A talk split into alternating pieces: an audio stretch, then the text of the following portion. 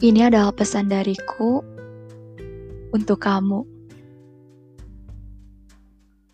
Aku tahu untuk sekarang, bagi beberapa orang, hidup sedang tidak mudah. Tapi aku harap kamu akan selalu baik-baik saja. Walaupun keadaan masih belum aman, kamu jangan menyerah dan tetaplah hidup dengan bebas.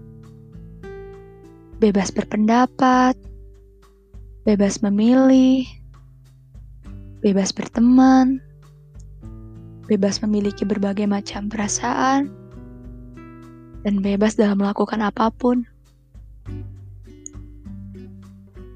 Karena kebahagiaan terbesar dalam hidup menurutku adalah ketika kita jujur pada diri sendiri berpura-pura untuk mendapatkan goals orang lain pun tidak akan pernah ada ujungnya. Toh manusia dilahirkan untuk selalu merasakan ketidakpuasan, bukan? Jangan terlalu membebani diri. Sudah tahu ekspektasi diri sendiri pun kadang suka membuat kita merasa tidak puas. Apalagi dengan ekspektasi orang lain. That's your life. Kamu adalah imamnya. Kamulah yang akan menentukan ke mana arah hidup kamu.